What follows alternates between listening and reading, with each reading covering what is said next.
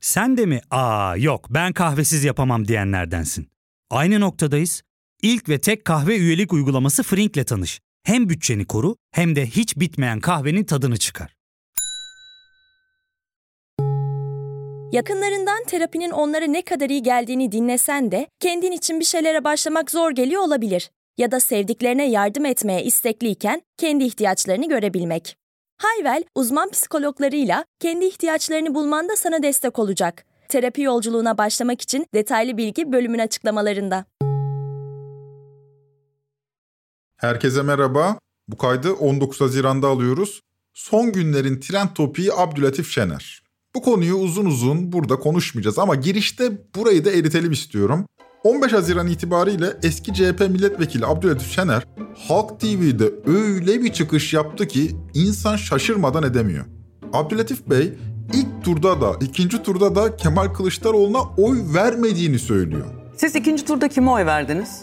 Ben birinci turda Sinan'a, Sinan Ogan'a Sinan- oy verdim. Ha orada da Kılıçdaroğlu'na siz vermediniz. Cumhuriyet Halk Partili olarak İki- Sinan Oğan mı İkinci istifa ettiğimi söyledim. İkinci turdaysa geçersiz oy attım.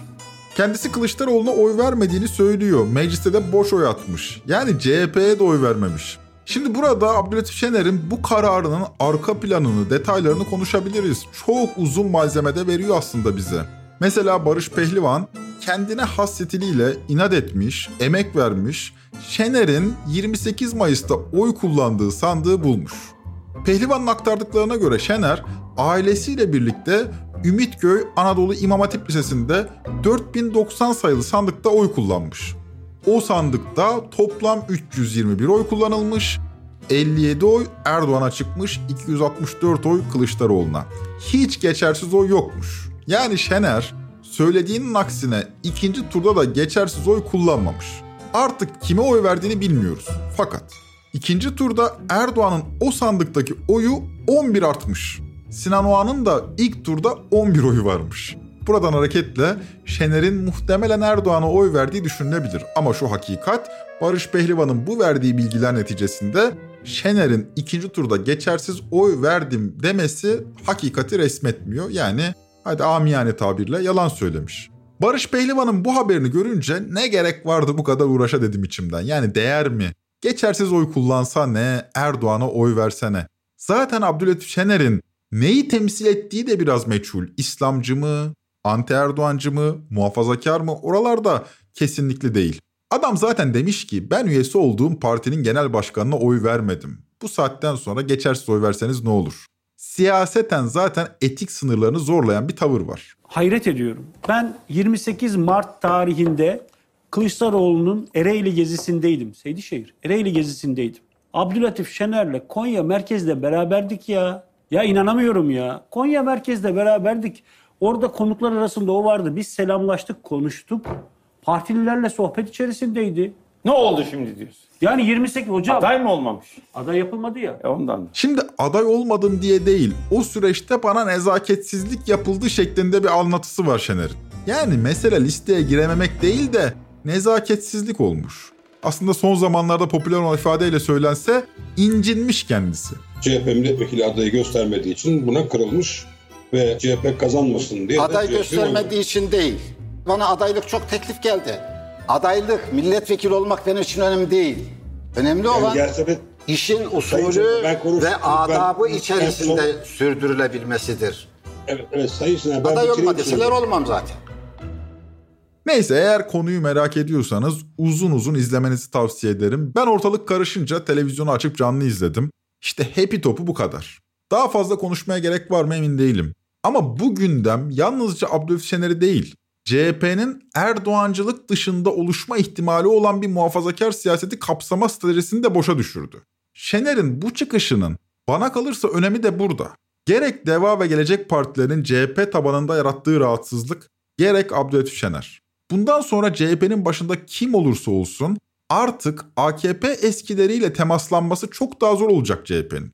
Açıkçası Abdülhatif Şener hakkında konuşmaya kalksak uzun uzun konuşabiliriz. Ama şöyle bir memlekete bakıyorum. Neticemizde ayıp ağrıyor. Abdülhatif Şener'i konuşmaya değer mi bu ortamda diye düşünüyorum. Değmez cevabını alıyorum. Bunlar siyasetin magazini. 3-5 günlük gündemler. Hatta şunu da söyleyeyim. Abdülatif Şener tecrübeli siyasetçidir. 2-3 yıl sonra yine karşımıza çıkar. İttifaktı vesaireydi önümüze düşer. Burası Türkiye. Önümüze sürekli düşer böyle konular. Dolayısıyla bunların peşine takılmak o kadar da rasyonel değil. Biz de bunların peşinde vakit kaybedip dururuz. Biz magazine geçelim. Biraz gerçeklerden bahsedelim. Gerçekleri Faik Öztrak'tan dinleyelim mi?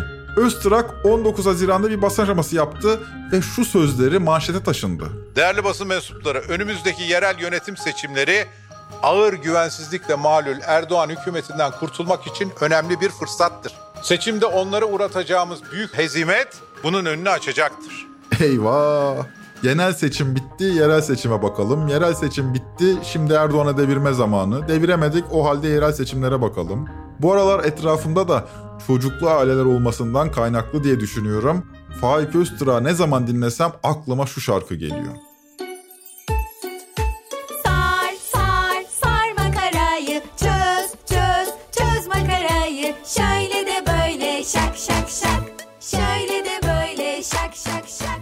Şimdi yok Abdülhatif Şener hain çıkmış, yok Öztürk yerel seçimleri konuşmuş. Allah aşkına bunlara takılıp kalmayalım. Bunlar trend topiktir de biz müsaadenizle halkın trend topiğini konuşalım.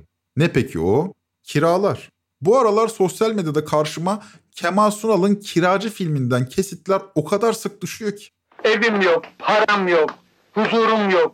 Hiçbirinin olacağı konusunda umudum da yok. Biz de bu bölümde kiraları konuşacağız. Neden yükseldi? Bu yükseliş aslında nasıl bir tezgahın eseriydi ve suçlu kimdi? Ev sahipleri mi suçlu yoksa başka bir suçlu var mı? Konu açık. Ben Ozan Gündoğdu hazırsanız başlayalım.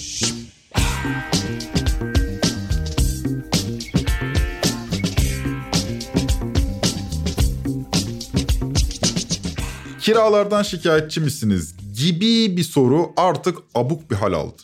Nasıl şikayetçi olmayalım? Bir gerçeklik bu. Hepimizin üzerinde uzlaştığı bir kriz bu. Hepimizin gözü önünde bir trajedi yaşanıyor. Mesele kiralardan şikayetin de ötesine geçti. Kiralar artar siz de of pof edersiniz. Geçer gider. Fakat böyle değil artık. Tablo özellikle büyük kentlerde öyle bir hale geldi ki bizzat barınma hakkı tehdit altında. Evini değiştirmek zorunda kalanlar, çoğu zaman mahallesini, semtini hatta ilçesini belki de kentini değiştiriyor. Evini kapatıp ana baba evine sığınanlardan tutun paylaşımlı eve taşınanlara kadar. Kent merkezlerinden çeperlere doğru adeta bir sürgün yaşanıyor. Kiralık ev bulmakta zorlanan ve fahiş artışlara karşı çözüm arayan kiracılar çareyi merkeze uzak olan ilçelere taşınmakta buldu. İstanbul'un Beşiktaş, Maltepe ve Üsküdar gibi ilçelerinde yaşayanlar kiraların daha düşük olduğu Arnavutköy, Beylikdüzü ve Esenyurt gibi ilçelere göç etmeye başladı. Tabii çeperlere göç başlayınca çeperlerdeki kiralar da uçuyor. Oralarda oturanların da huzuru kaçıyor. Genel olarak kiralar yükselince ev sahipleri de mevcut kiracılarına dadanıyor. Adliye koridorları birbirine giren ev sahipleri ve kiracılarla dolu. Sadece 2000 lira ödeyen 12 yıllık kiracısını evden çıkarmak istedi ama tehditler, küfürlerle karşılaştı. Yaşanan gergin anlarda Şov Haber ekibi de saldırıya uğradı. Ev sahibiyle kiracılar adliye koridorlarını doldurunca iktidar çareyi ara buluculukta buldu. Gayrimenkul Hukuku Derneği Başkanı Ali Güvenç Kiraz, ara buluculuk düzenlemesinin detaylarını aylar önce NTV'ye anlatmış. Getirilen düzenleme zorunlu. Vatandaşlarımıza önce bunu söyleyelim. Yani zorunlu da, e, arabuluculuk getiriliyor bu davalar için. Ne olacak? Vatandaşlarımız yani kiracı ve mal sahibi arasında tahliye davaları veya kira tespit davaları veya başka tür davalar açmak istediklerinde kiracı mal sahibi ilişkisine yönelik öncelikle arabulucuya gitmek zorunda olacaklar. Arabulucu tarafların iddialarını ve savunmalarını dinleyecek. Daha sonra tarafları mutlaka görüşmeye davet edecek ve bu görüşme çerçevesinde bir tutanak düzenleyecek. Bu tutanakta eğer taraflar uzlaşırlarsa yani kira tespit davasında örneğin bir rakam kapsamında bir uzlaşma çıkarsa, tahliye konusunda bir uzlaşma çıkarsa bu bir uzlaşma tutanağı haline gelecek ve aynen mahkemeden verilen bir hakimin verdiği karar yani ilan hükmünde olacak ve bu kapsamda da bu karar icrai nitelik kazanacak. Bu arabuluculuk kurumunun devreye girmesinin nedeni mahkemelerin yükünü hafifletmek tabii. Çünkü öyle bir hale geldi ki bu davalar mahkemelerin altından kalkabileceği bir mesele olmaktan çıktı. Ev sahipleri kiracılarla birbirine girince hali vakti daha yerinde olan ev sahiplerinde bir davranış gelişti. Nedir o? Ya evlerini kiraya vermiyorlar Ya da kiracıyı seçerken çok ince eleyip çok sık dokuyorlar. Hal böyle olunca İstanbul veya Türkiye'nin geri kalanı da diyebiliriz ama İstanbul'da çok ciddi bir fenomene dönüşmüş bu durum. Boş evlerle dolu kentlere dönüştü İstanbul.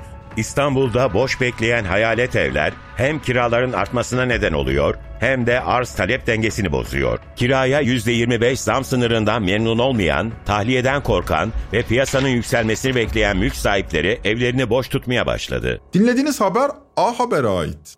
İktidar medyası da kira sorununu ele alıyor fakat büyük ölçüde bir takım ev sahiplerinin suçu olarak gösteriliyor kriz. Yani fırsatçı ev sahipleri yüzünden bunlar yaşandı diyor.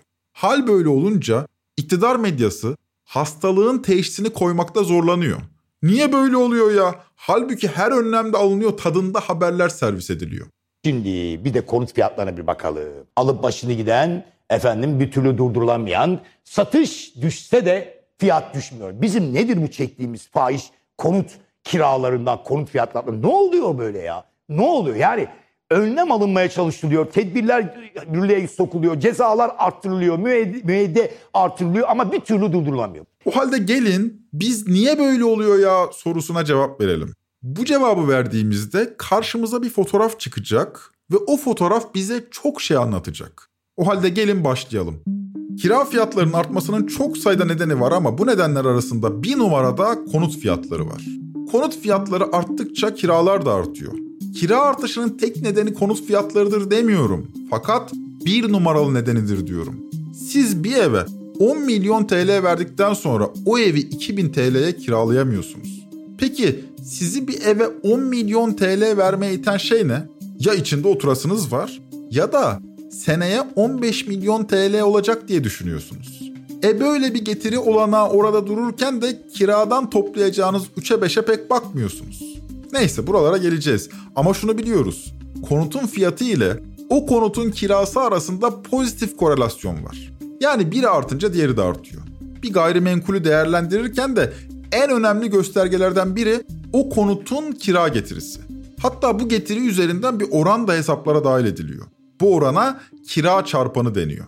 Gayrimenkul değerleme uzmanı Celal Erdoğdu kira çarpanını şöyle açıklamış. Bir konutun kirasıyla fiyatı arasındaki orantıya kira çarpanı diyoruz. 300 bin liralık bir konutun kirası 1000 liraysa 300 bin bölü 1000 yapıp 300 kira çarpanına ulaşıyoruz. O halde eldeki birinci bilgi. Konut fiyatı yükselirse aynı oranda olması şart olmamakla birlikte kiralar da yükseliyor. Zaten sadece kiralar değil, öncelikle konut fiyatları yükseliyor. O halde bu meseleyi konut fiyatlarından bağımsız tartışamayız. 16 Haziran sabahı Merkez Bankası Nisan ayına ilişkin konut fiyat endeksi verilerini yayınladı. Elimizdeki en güncel resmi veriler bunlar. Buna göre Nisan ayında konut fiyatlarındaki yıllık artış ne kadar biliyor musunuz? %121. Ne demek bu? Yani geçen yılın Nisan ayında 1 milyon TL olan ev bu yılın Nisan ayında 2 milyon 210 bin TL olmuş. Peki geçen sene 1 milyon TL olan ev önceki yılın Nisan ayında ne kadarmış? Sıkı durun 440 bin TL. Yani 2021'de 440 bin TL olan bir evin ortalama fiyatı bugün 2 milyon 210 bin TL. Bu noktada yabancıya konut satışının fiyatlar üzerine doğrudan etkisi olduğu da ortada. Çünkü en hızlı yükseliş Antalya, sonra Trabzon, sonra ise İstanbul. Yani yabancıya satışın toplam satışlar içindeki ortalamasının daha yüksek olduğu kentler. YouTube'da yayın yapan röportaj adam da bu yabancıya konut satışı meselesini tiye almış. Biz normal Türkiye'de yaşıyoruz ya. Buradakiler Türkiye'nin PVP serverı gibi. Bu dairelerin hepsi 5 milyon biliyor musun? Geçen tam da bu mevzuyu tartışıyorlar sokak röportajında da dayının biri geldi. Ben de idmanlıyım biliyor musun? Çaktırmadan elimi sol cebime attım telefonu hazırladım. Dayı o meşhur repliği söylediği anda telefonu çıkartıp götüne sokacağım. Dayı ne dese beğenirsin. Yeğenim sen çıkar kimliğini göster dedi. Dedim herhalde bu şimdi sivil polis filan. Ya dedi buradakiler dedi vatandaşlık almak için dedi 250 bin dolara ev alıyorlar. Senin cebinde bedava kimliğin var dedi. Lan hiçbir şey diyemedim. Şimdi Türkiye'de tablo bu da dünyada vaziyet ne? Bunun için de veri kaynağımız Uluslararası Ödemeler Bankası, kısa adıyla BIS. Tüm dünyada merkez bankaları konut fiyat istatistiklerini derliyor. Bu veriler Uluslararası Ödemeler Bankası'nın veri havuzunda toplanıyor. Bu verilerde yılda 4 kez yani 3 ayda bir kamuoyuna açıklanıyor. 15 Haziran'da bizim Merkez Bankası'nın da üyelerinden olduğu Uluslararası Ödemeler Bankası 2022 yılının son çeyreğine ilişkin konut fiyatları verilerini yayınladı. Buna göre 58 ülke içinde konut fiyatlarının reel olarak, altını çiziyorum, reel olarak en hızlı arttığı ülke %51'lik değer artışıyla Türkiye. Bakın reel olarak diyorum. Yani bu %51'lik oran enflasyondan arındırıldığında ortaya çıkan oran. Yoksa nominal olarak artış çok daha fazla. Yani bir başka ifadeyle 2021'in son çeyreğinde konut alan biri 2022'nin son çeyreğinde parasını değil alım gücünü %51 oranında arttırmış. Parasını çok daha fazla arttırmış. Aynı dönemde aynı oranda getiriyi ne altın, ne döviz, ne mevduat ne de borsa sağlamış. Konuta yatırım yapan keyfine bakmış kazanmış. Bu alanda Türkiye'yi %11'lik reel getiriyle İsrail, %9.7'lik reel getiriyle Rusya takip ediyor. Yani, yanisi şu, Türkiye konut fiyatlarında en yakın rakibini 5'e katlamış. Dolayısıyla Türkiye'deki konut fiyatları dünyanın da dilinde. Londra'da yaşıyorsunuz ve para kazanmak mı istiyorsunuz? Konut alıverin. Nereden alacaksınız? Türkiye'dekiler harika. Ayırın 400 bin dolar kadar para. Hem Türkiye'den evinizi alın, yanına da vatandaşlık veriyorlar. Dilediğiniz gibi girer çıkarsınız ülkeye. Hatta dilerseniz oy bile kullanırsınız. Vatandaşlık için gereken bedel 250 bin dolarken geçen yıl bu para 400 bin dolara yükseldi. Tabii bu düzenleme ev fiyatlarını daha da şişirdi. Bilindiği üzere Türkiye'de gayrimenkul yatırımı yapan yabancılar istisnai olarak Türk vatandaşlığı kazanabiliyorlar. 2018 itibariyle Türkiye'de 250 bin Amerikan doları tutarında bir gayrimenkul yatırımı yapan ve satın alınan gayrimenkule 3 yıl satılamaz şerhi koyan yabancılar istisnai olarak Türk vatandaşlığı kazanabiliyorlardı. Fakat yeni güncelleme ile birlikte bu tutar 250 bin Amerikan dolarından 400 bin Amerikan dolarına yükseltildi. Merkez Bankası'nın verilerine göre Türkiye'de 1 metrekare konutun ortalama bedeli 22.841 TL. 1 metrekarenin. Yani 100 metrekare ev almak için ortalama 2 milyon 284 bin lirayı gözden çıkarmalısınız. Bu Türkiye ortalaması. İstanbul için bu tutar 3 milyon 511 bin TL. Ya bunlar nasıl rakamlar? Bunlar bir de Merkez Bankası'nın bize sunduğu ortalama tutarlar bu arada. Yani kent çeperleri de var, kent merkezi de var. Ortalama bu. Peki fiyatların bu seviyede olmasının tek nedeni yabancıya konut satışı mı? Hayır değil elbette. Çok önemli bir nedeni daha var. Nedir o? Faiz. Neymiş efendim? Faizleri düşürüyormuşuz. Benden başka bir şey beklemeyin. Bir Müslüman olarak naslar neyi gerektiriyorsa onu yapmaya devam edeceğim. Bu zamana kadar öğrenmediyseniz Nas Allah'ın emri demek bu arada. Allah faizi düşürün diyor demek. Yani düşük faiz daha iyidir diyor. Neyse buraları geçelim. Burayı geçerken de küçük bir ara verelim. Döndüğümüzde faiz politikasıyla ne murad edildiğini çözümleyeceğiz.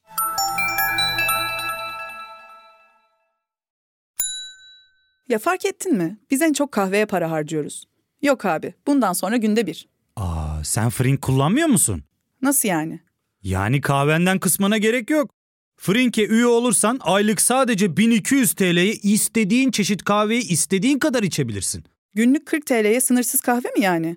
Çok iyiymiş. Aynen. Hatta şu anda 200 TL'lik bir indirim kodu da var. E hadi hemen indirip üye ol da bu fırsatı kaçırma. Terapiye başlamak, içinden çıkamadığın döngüleri kırmak, bazı yanlış bulduğun kararlarını değiştirmek ve kendinle beraber daha huzurlu bir yaşam inşa etmek için atabileceğin en değerli adımlardan biri. Hayvel ile yoğun yaşam tempona uyum sağlayarak online terapi seanslarını takvimine göre ayarlayabilirsin. Bini aşkın uzmandan sana en uygun terapisti seçebilir, PodB10 koduyla indirimden yararlanabilirsin. Detaylı bilgi açıklamalardaki bağlantıda. Konut fiyatlarının bu hale gelmesinde yabancıya konut satışı kadar Merkez Bankası'nın izlediği faiz politikasının da doğrudan etkisi var. Politika faizi indirimlerinin başladığı Eylül 2021'de 1 milyon TL olan bir konutu hayal edelim. Sizce bu konut Merkez Bankası verilerine göre bugün ne kadara yükselmiştir? Bakın Eylül 2021'de 1 milyon TL olan konutun bugünkü ortalama değeri 4 milyon 31 bin TL. Yaklaşık 2 yılda %300'den fazla bir değer artışı söz konusu. Aynı dönemde dolar kuru %150 kadar artmış. Yani konut alan dolar karşısında da iki katına yakın getiri elde etmiş. Diyorum ya dünyada Türkiye'deki konut kadar para kazandıran başka bir varlık yok diye. Ama konumuz faiz.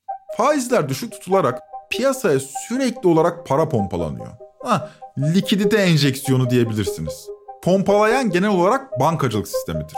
Bu para ya banka hesaplarında vadeli ya da vadesiz mevduatlar olarak tutuluyor ya da emisyon olarak dolaşımdaki para olarak tutuluyor. Ama siz bankalardaki parayı ve dolaşımdaki parayı toplarsanız piyasadaki para arzını bulursunuz.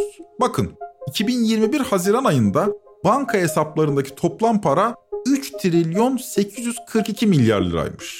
Banka hesaplarında 3 trilyon 842 milyar lira paramız varmış. Yani bizim değil, hepimiz. 2 senede bu para ne kadar olmuş biliyor musunuz? 10 trilyon 947 milyar TL. Yani emisyonu hariç tuttuğunuzda, bu dolaşımdaki parayı hariç tuttuğunuzda piyasaya 2 yılda 7 trilyon kadar para sürülmüş. 7 trilyon. Peki bu para nereye gitmiş? Ne alınmış bu parayla? Öncelikle şunu söyleyelim. Bu boyutta bir para nereye akarsa orası değerlenir. Gideceği yer sınırlı. Ya altına ya dövize gidecek. Ya vadeli mevduata akacak ya da borsaya veya gayrimenkule gidecek. Yani siz faizi düşürdüğünüzde para musluğunu açmış oluyorsunuz. Bu musluktan akan suyun hangi havuza dolacağını da aslında siz belirliyorsunuz. Suya yön veren para ve maliye politikası. Normal şartlar altında para arzı bu hızda artarsa ne bekleriz? Aynı paranın hızla dövize akmasını bekleriz. Evet dövize akıyor ama döviz baskılanıyor. Dövizi sabit tutmak için merkezin rezervleri kullanılıyor. Merkez Bankası'nın swaplar dahil olmak üzere önceki hafta eksi 151,3 milyon dolarla ilk kez eksiye düşen net uluslararası rezervleri Cumhurbaşkanlığı ikinci tur seçimi öncesindeki hafta artan döviz talebinin de etkisiyle 4,25 milyar dolar azalarak eksi 4,4 milyar dolara indi. Rezerv swaplar hariç olaraksa eksi 60,5 milyar dolara geriledi. Şimdi pompaladığınız para dövize akıyor da dövize akışa engel olmak için rezervlerinizi eritiyorsunuz. Okey tamam. Ama musluk açık, su akmaya devam ediyor. Trilyon liralarca para sürekli piyasaya pompalanıyor. Nereye gidecek bu su? Bankaya yatıralım. Bankaya yatıralım da mevduat faizi düşük. Oraya da akamıyor. Enflasyon ortada. O halde ver elini borsa ya da gayrimenkul. TÜİK'in açıkladığı Mayıs ayı verilerine göre sadece bir ayda Türkiye'de 113 bin konut satılmış. Bunlar çok yüksek rakamlar değil yani ortalama değerler. Her ay buna benzer konut satışları oluyor zaten. Küsuratları geçiyorum. Bu 113 bin konutun 85 bini peşin parayla satılmış. 27 bini için kredi kullanılmış. O 27 binin de büyük çoğunluğu ilk evi için çekmiyor krediyi. 10 yıl vadeli 2 milyon TL kredi çektiğinizi hayal edelim. Türkiye'deki ortalama bir ev fiyatından doğru 2 milyon TL dedim. An itibariyle ödeyeceğiniz aylık taksit tutarı ne kadar biliyor musunuz? 50 bin TL ile 80 bin TL arasında. O da kredi bulabilirsiniz. E şimdi bu haliyle bir emekçi kişi bu krediyi kullanıp ev satın alabilir mi? Mümkün değil. Kredi mekanizması da bu arada zaten neredeyse durmuş durumda. Yani bu krediyi ben öderim diyenler bile o krediyi kullanamıyor. Piyasaya para akmıyor. Diyorsunuz ki e, para akıyordu hani. Hayır, seçimden önce söz konusu muslukları kapattılar. Bu eğilim seçimden önce ortaya çıkmıştı yani. Kredi mekanizmasının neden durduğunu ekonomi gazetecisi Barış Soy'dan kendi YouTube hesabında şöyle açıklamış. Kredilerde ve ticari hayatta yaprak kıpırdamıyor. Bankalar kredi vermeyi adeta durdurdu. Özellikle şirketler kesimine. Bunun sebebi de ekonomi yönetiminin koyduğu, getirdiği bir kural. Önceki hafta dedi ki ekonomi yönetimi %18'in üzerinde faiz eğer istiyorsanız vereceğiniz kredilerde bankalara o zaman düşük faizi devlet tahvili almanız gerekiyor. Yani bu aslında kibarcası %18'in üzerinde faizle kredi vermeyin demek. Şimdi bankalarda formül olarak yani düşük faizi devlet tahvili almamak için formül olarak hiç kredi vermeme yolunu seçtiler. Onları da anlamak lazım. Seçim sonrasında devlet tahvillerinin faizi yükselecek. O nedenle bugün düşük faizli devlet tahvili alıp seçim sonrasında zarar yazmak istemiyorlar. Ama diğer yanda %18'in altında faize kredi de vermek istemiyorlar. Çünkü seçim sonrasında faizler de yükselecek. İşte buldukları formülde hiç kredi vermemek. Yani yıllarca piyasaya para pompalıyorsunuz ve sistem kilitleniyor ve şu anda da an itibariyle kredi mekanizmasını çalıştırmaktan tedirgin oluyorlar. Bankalar aklı çıktı. Ellerinde düşük faizli devlet tahvilleri tutsalardı faizler yükseldiğinde bu tahvillerin değeri sert şekilde düşecekti ve belki bu düşüş bir bankacılık krizini tetikleyecekti. Hala da şu anda bankaların elinde söz konusu bu düşük faizli tahviller var ve endişe kaynağıdır. Bankalar mümkün olduğunca bu tahvillerden uzak durmaya çalıştı. Kredi musluklarını kapadı. Faizler arttığında ise zararın ne kadar olacağı faizlerin ne kadar yükseleceğine bağlı. Kredi muslukları yeniden açıldığında ne olacağı ise şüpheli. O konu ayrı konu. Biz kira işinden devam edelim. Dedik ki ilk sorun yabancıya konut satışı. İkinci sorun düşük faiz ortamında konutun bir yatırım aracına dönüşmesi. Hisse senedi gibi oldu konutlar. Bu ikisi bir araya gelince dünyanın en cazip varlığı Türkiye'deki konutlar haline geliyor. Dedim ya Londra'da, New York'ta, Tokyo'da Türkiye konutları gibi bir gündem var. Peki buradan ne anlayalım? Şunu anlayalım. Türkiye'nin an itibariyle dış açığını kapatan en önemli kaynağı konut varlığı. Ne demek bu? Şu demek. Türkiye dış açığının büyük kısmını gayrimenkullerini satarak ve rezervlerini eriterek finanse ediyor. Hemen bir veri paylaşayım. Kulağınızı dört açın lütfen. 2012 yılında yabancıların Türkiye'ye doğrudan sermaye yatırımı 10.1 milyar dolar olurken 2.6 milyar dolarlık da gayrimenkul edinmişler. Yani doğrudan sermaye yatırımının %25'i kadar da gayrimenkul satışı olmuş. Aradan 10 yıl geçmiş. 2022 yılına geldiğimizde doğrudan sermaye yatırımı 5.5 milyar dolara gerilemiş. Yani yarı yarıya azalmış. Peki gayrimenkul satışları ne olmuş? Gayrimenkul satışları ise iki katından fazla artmış. 5.6 milyar dolara yükselmiş. Yani yabancı girişlerinde doğrudan sermaye yatırımı gayrimenkul satışların altında kalmış. O hale gelmiş ki iş, gayrimenkul satmasanız doğrudan yabancı girişini yarı yarıya azaltmış oluyorsunuz. O halde yabancıya konut satışını durdurmak da o kadar kolay değil. Kantarın topuzunu bozmuşsunuz yani zaten. Özetle tablo şudur. İktidar 2021'den itibaren yani pandemiden sonra sert bir durgunluk riskiyle karşı karşıya kalmış, seçimlere giderken piyasada çarklar dönsün diye faizi düşürerek piyasaya 7 trilyon lira para pompalamış. Bu pompalanan para başımızı soktuğumuz konutları bir yatırım aracına dönüştürmüş ve tüm bunlar asalak bir sermaye takımı batmasın diye yapılmış. Piyasaya pompalanan para da barınmamız için şart olan konutları bir hisse senedi gibi yatırım aracına dönüştürmüş. Buna normal şartlarda hırsızlık demek gerekir. Elimizdeki alım gücünü zorla alıp, yani biz haberimiz yokken alıp diyelim ya da daha doğrusu, varlık sahiplerine transfer etmektir bu. Servet transferi bu. Ama hırsızlık yerine likidite takviyesi demeyi tercih ediyorlar. Bu yöntem bana La Casa de Papel dizisinde profesörün o meşhur tiradını hatırlattı. 2011 yılında Avrupa Merkez Bankası durup dururken para basmıştı. Hem de 171 milyar avro. Tıpkı bizim yaptığımız gibi. Sadece daha fazla. 2012'de ise 185 milyar avro. Daha bitmedi. 2013'te 145 milyar avro. Onca para nereye gitti biliyor musun? Bankalara. Darphaneden doğruca onların ceplerine. Tek bir kişi çıkıp da Avrupa Merkez Bankası hırsız dedi mi? Likidite takviyesi. Böyle dediler. Ve bunu yok yere çıkardılar Rakel. Yok yere. Ben likidite takviyesi yapıyorum. Ama bankalara değil. Ben burada. Gerçek ekonomide yapıyorum. Bir kaybedenler grubuyla birlikte. Biz buyuz Rakel. Piyasaya likidite takviyesi adı altında enflasyonun çok altında faiz oranlarıyla para pompalanmış. Varlık fiyatları emekçilerin ulaşamayacağı seviyeye yükselmiş. Peki tüm bu hikaye neye neden olmuş? Zaten ilgilenmemiz gereken de bu. Bir kere asgari ücretliler sürekli bir sürgün hayatının içine düşmüş. Kira sözleşmesini imzalıyorlar ancak kiraları ödeyemiyorlar. Ev sahipleri sürekli kapıda. Konuştuğum insanların hepsi çocuklarının endişelerinden bahsediyor. Dedim ki çocuklar niye endişeli? E sürekli ev sahibi kapıda. İçeriye sürekli birisi dadanmaya çalışıyor. Sürekli sizi birisi evden atmaya çalışıyor. Hal böyle olunca endişelenmez misiniz? Siz endişelenmezseniz çocuğunuz endişelenmez mi? Antalya'da yaşayan biri bana son iki yıl içinde üç kez ev değiştirmek zorunda kaldığından bahsetti.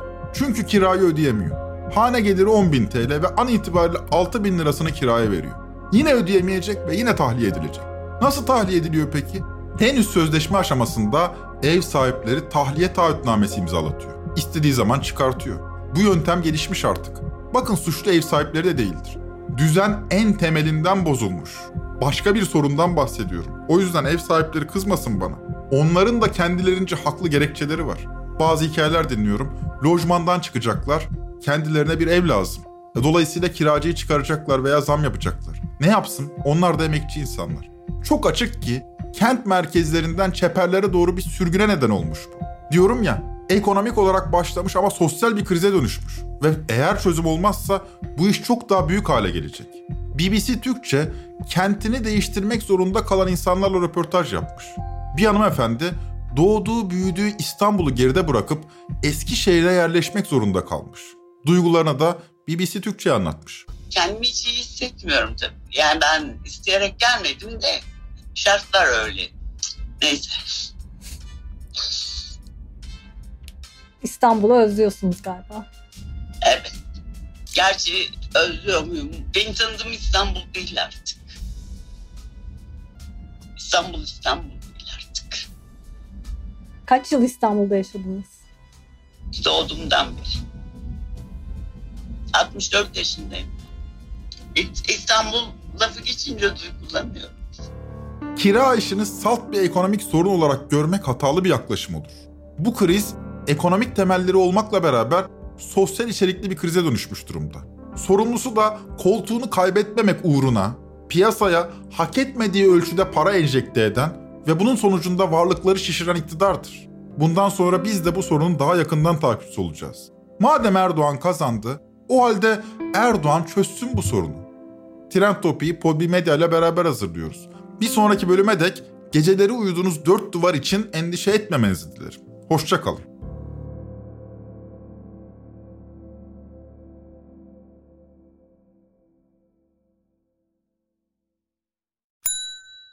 İlk ve tek kahve üyelik uygulaması Frink, 46 ildeki 500'den fazla noktada seni bekliyor. Açıklamadaki kodu girerek sana özel 200 TL'lik indirimden faydalanmayı unutma.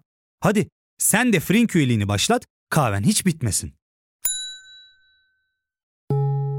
Hem bugününe hem yarınına katacaklarıyla terapi yolculuğuna ve daha iyi hissetmeye bugün Hayvel ile başla. Açıklamadaki linkten Hayvel'i indir, ücretsiz tanışma görüşmelerinin ardından bütçene uygun seans paketini seç ve terapi yolculuğuna başla.